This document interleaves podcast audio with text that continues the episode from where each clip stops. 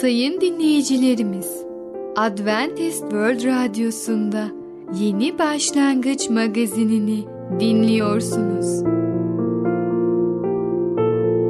Yeni Başlangıç magazinine hoş geldiniz. Önümüzdeki 30 dakika içerisinde sizlerle birlikte olacağız. Bugünkü programımızda yer vereceğimiz konular paydaşlık, böbrek temizliği, pratik ifadeler.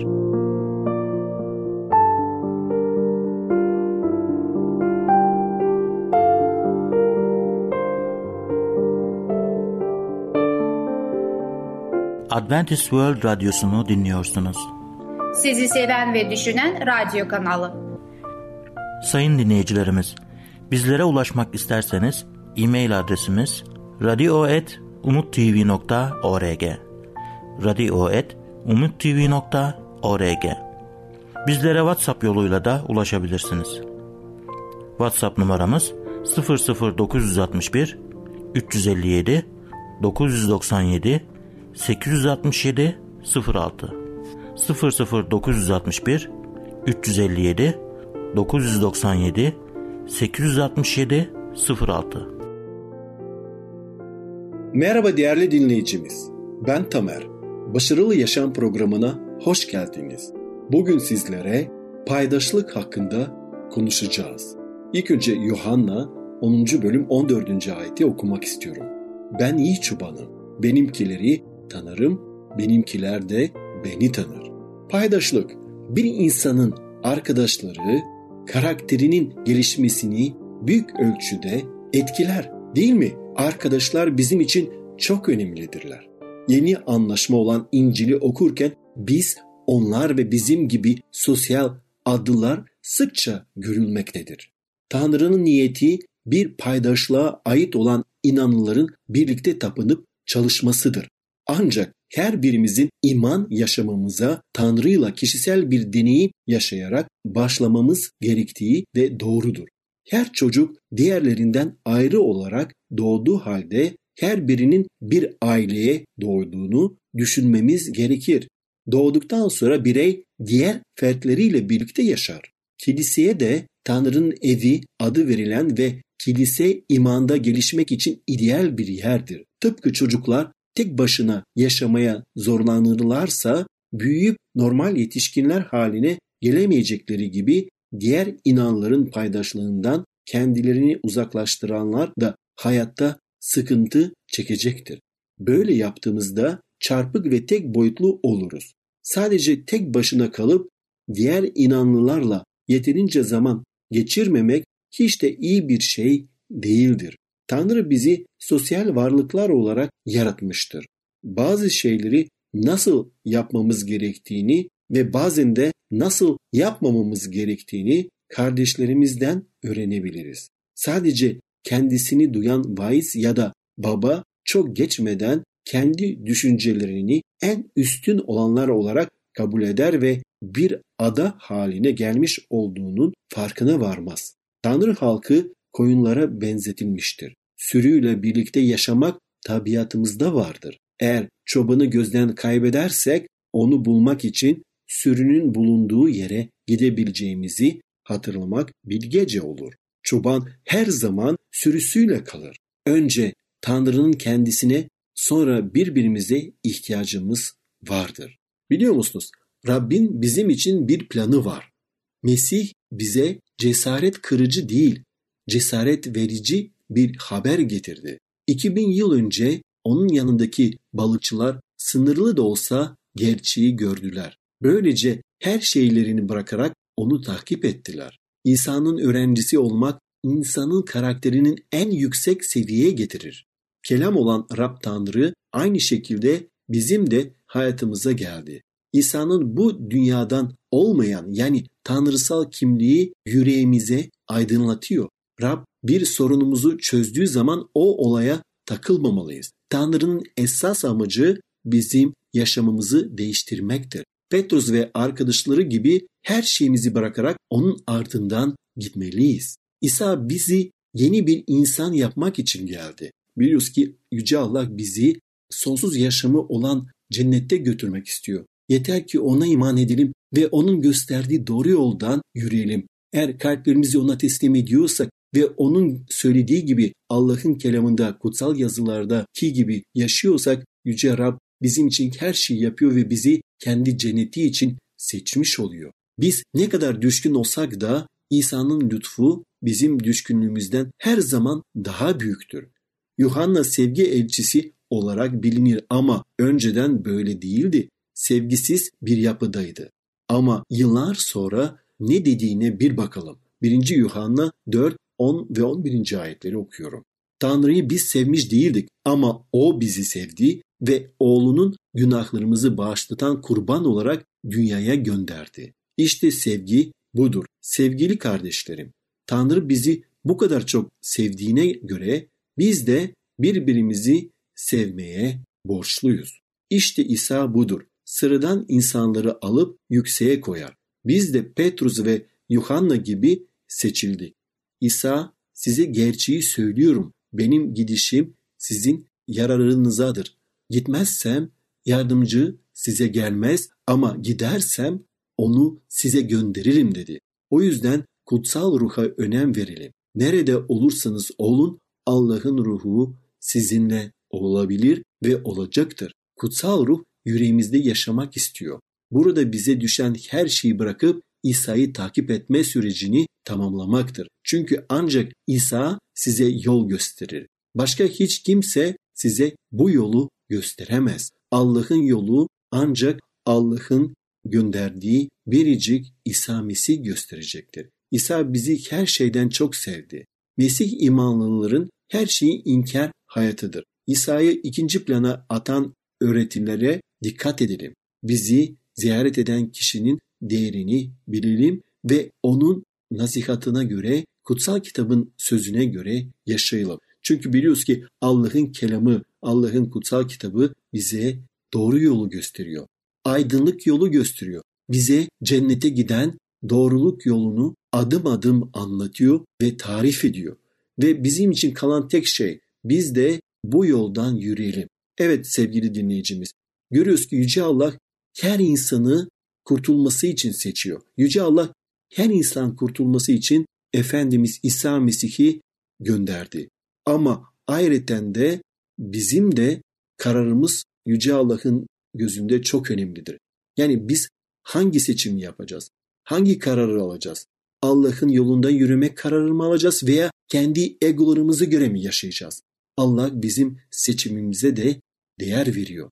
Benim dileğim tabii ki Yüce Allah'ın gösterdiği doğru yoldan yürümeyi seçelim. Ve Allah'ın gösterdiği yoldan yürürken biliyoruz ki yükümüz az olacak. Çünkü Efendimiz İsa Mesih bizim günahlarımızı affediyor ve bize yardım ediyor. Bizi yalnız bırakmıyor. Omuz omuza bizimle birlikte yürüyor ve böylece onunla birlikte bir paydaşlığımız oluyor. Ayrıyeten de kardeşlerimizle, diğer imanlılarla da paydaşlığımız oluyor. Değerli dinleyicimiz, bugün paydaşlık hakkında konuştuk. Bir sonraki programda tekrar görüşmek dileğiyle hoşçakalın.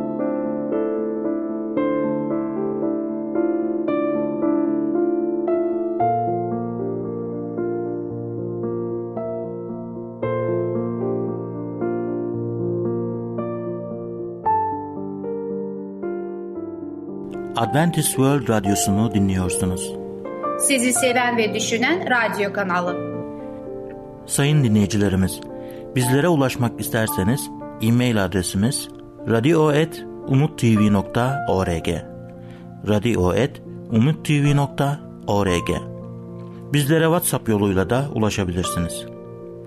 WhatsApp numaramız 00961 357 997 867 06 00961 357 997 867 06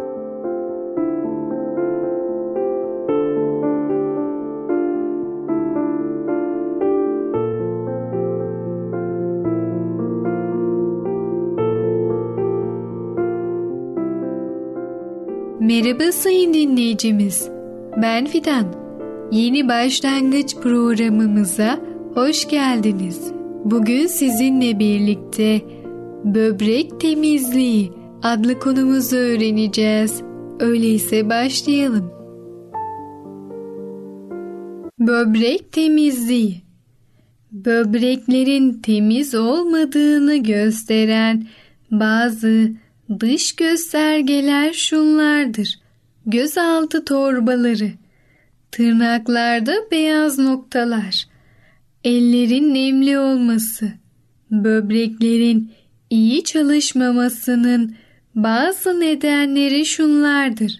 Böbreklerde sümüksü maddelerin birikmesi ve taşların oluşması, aşırı sıvı içilmesi nedeniyle böbreklerin büyümesi, tuz, et, balık, ekmek, tatlı, unlu ve rafine edilmiş yiyeceklerin aşırı tüketilmesi nedeniyle böbreklerin büzüşmesi, gözaltı torbaları böbreklerde fazla sıvı yahut yağ birikimi olduğunun bir göstergesidir.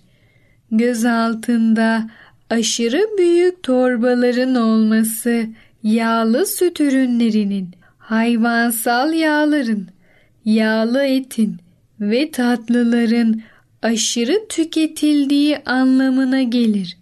Göz kapaklarındaki kızarıklıklar böbrek taşı oluşumuna işaret eder.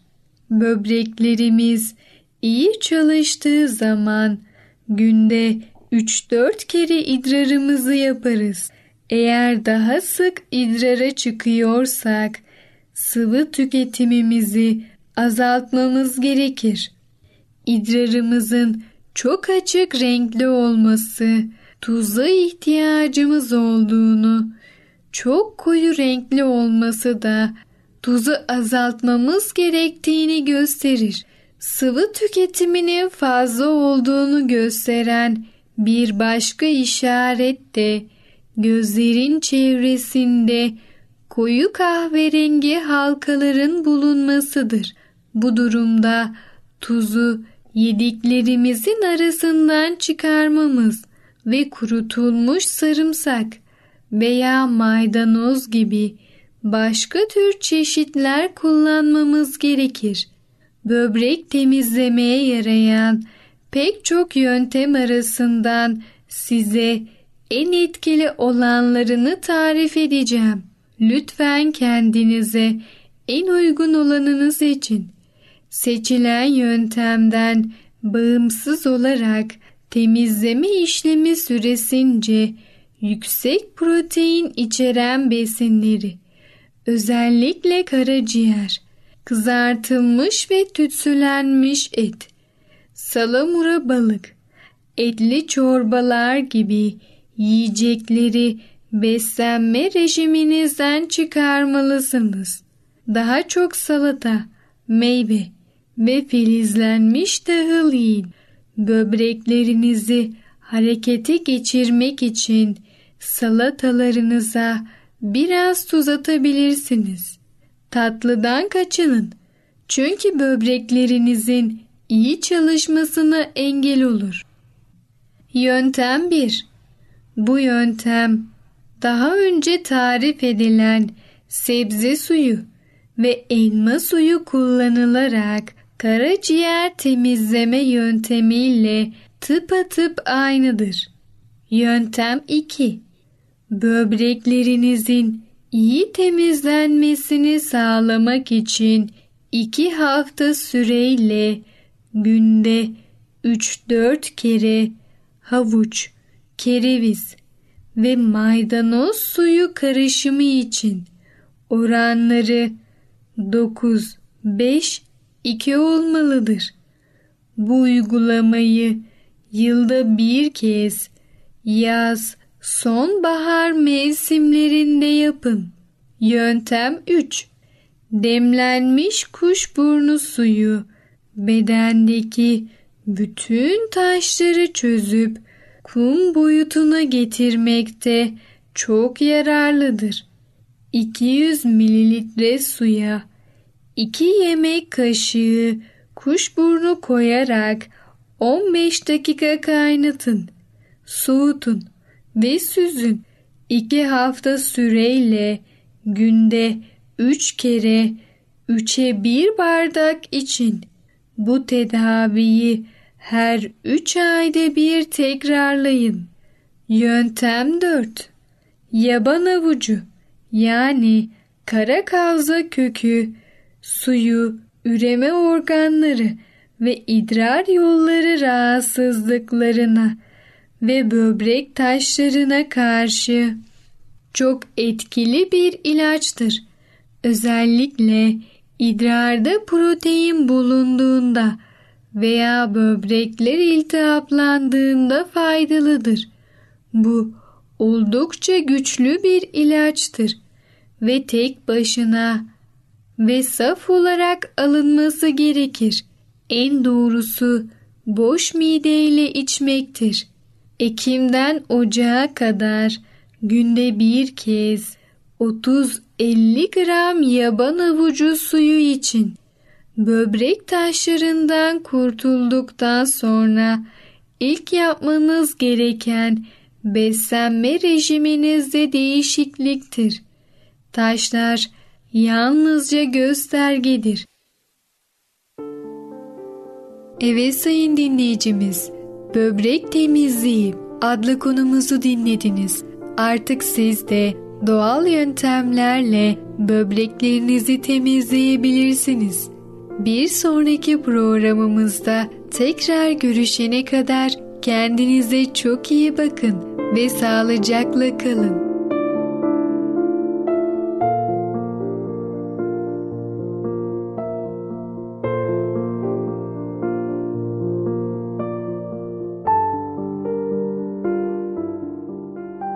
Adventist World Radyosu'nu dinliyorsunuz. Sizi seven ve düşünen radyo kanalı. Sayın dinleyicilerimiz, bizlere ulaşmak isterseniz e-mail adresimiz radio.umutv.org radio.umutv.org Bizlere WhatsApp yoluyla da ulaşabilirsiniz. WhatsApp numaramız 00961 357 997 867 06 00961 357 997 867 06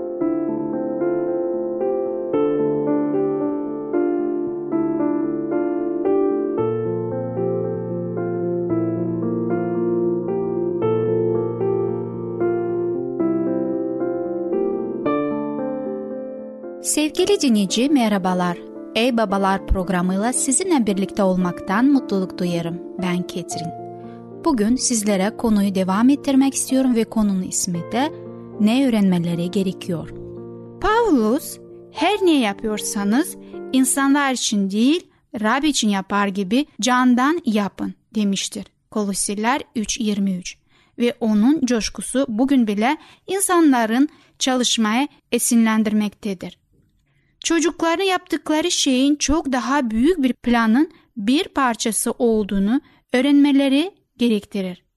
Kendisine ne yapıyorsan diye sorduğunda bu taştan parçalar koparıyorum diyen yanıt verilen bir taşçıyla ve aynı soruyu kendisine sorduğumda bu taşı bir yapı taşı olması için biçimlendirilmiyor mu diyen bir başka taşçının hikayesini duymuşumuzdur.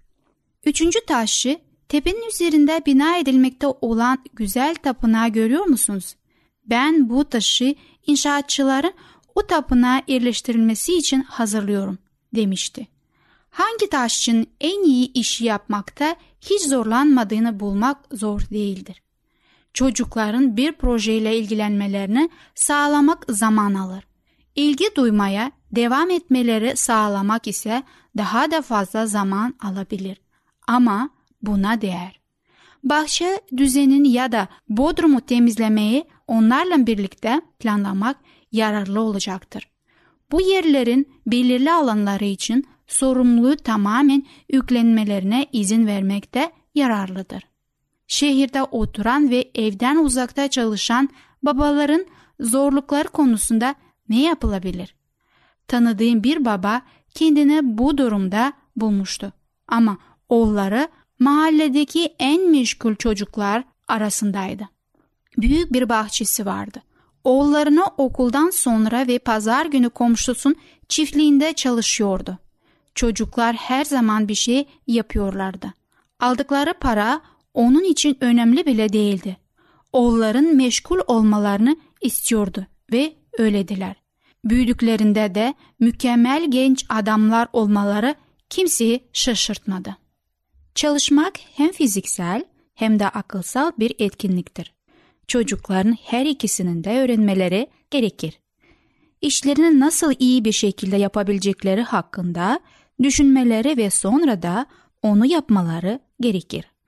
Bazı iş türleri daha çok fiziksel etkinlik değerleri ise de daha çok akılsal etkinlikler gerektirir. Çocukların ikisini de dengeli bir şekilde öğrenmeleri iyi bir şeydir.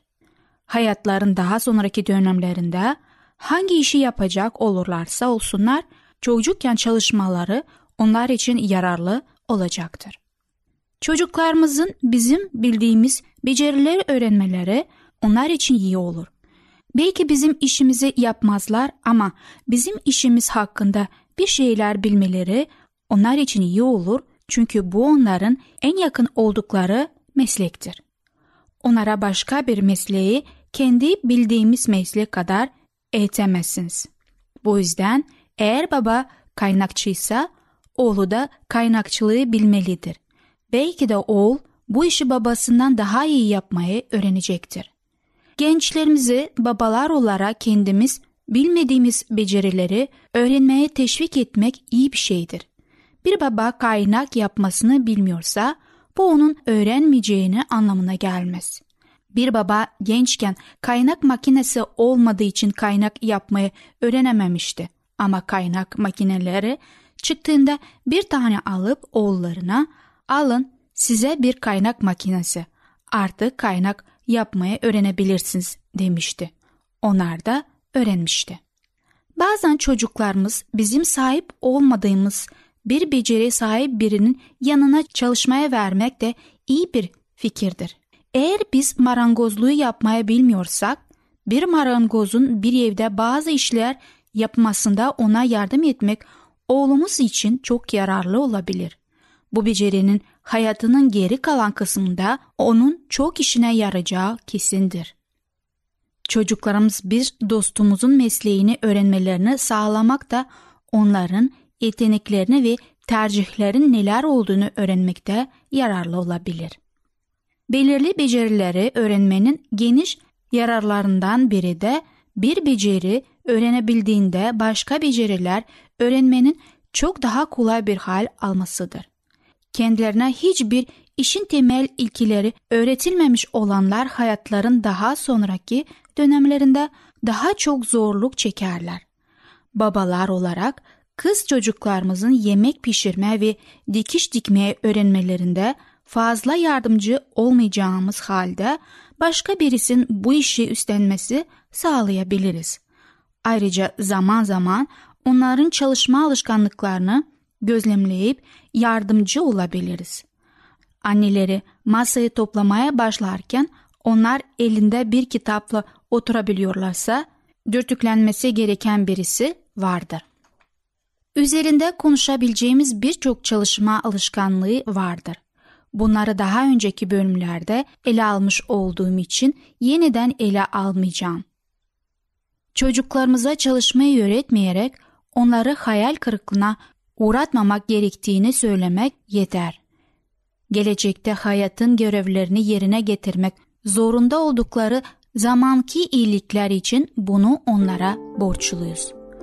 Onlara çalışmayı öğretmenin Tanrı'nın onları hayatın ruhsal sorumluluklarını yüklenmeye hazırlama yollarından biri olduğunu kendimize yeniden hatırlamamız gerekmektedir. Aynı alışkanlıklar ve ilkileri Tanrı'ya hizmet etmeye uyarladıkları zaman hayatları Tanrı için verimli olacaktır.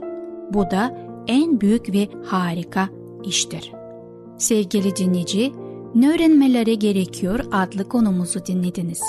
Bir sonraki programda tekrar görüşmek dileğiyle. Hoşçakalın. Adventist World Radyosu'nu dinliyorsunuz.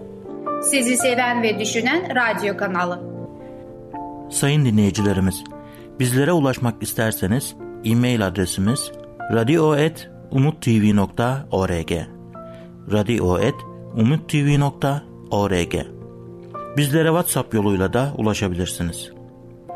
WhatsApp numaramız 00961 357 997 867 06 00961 357 997 867 06 Gelecek programımızda yer vereceğimiz konular paydaşlık, böbrek temizliği, pratik ifadeler. Yeni Başlangıç adlı programımızı pazar, salı ve perşembe günleri aynı saatte dinleyebilirsiniz. Bir programımızın daha sonuna geldik. Bir dahaki programda görüşmek üzere, hoşçakalın.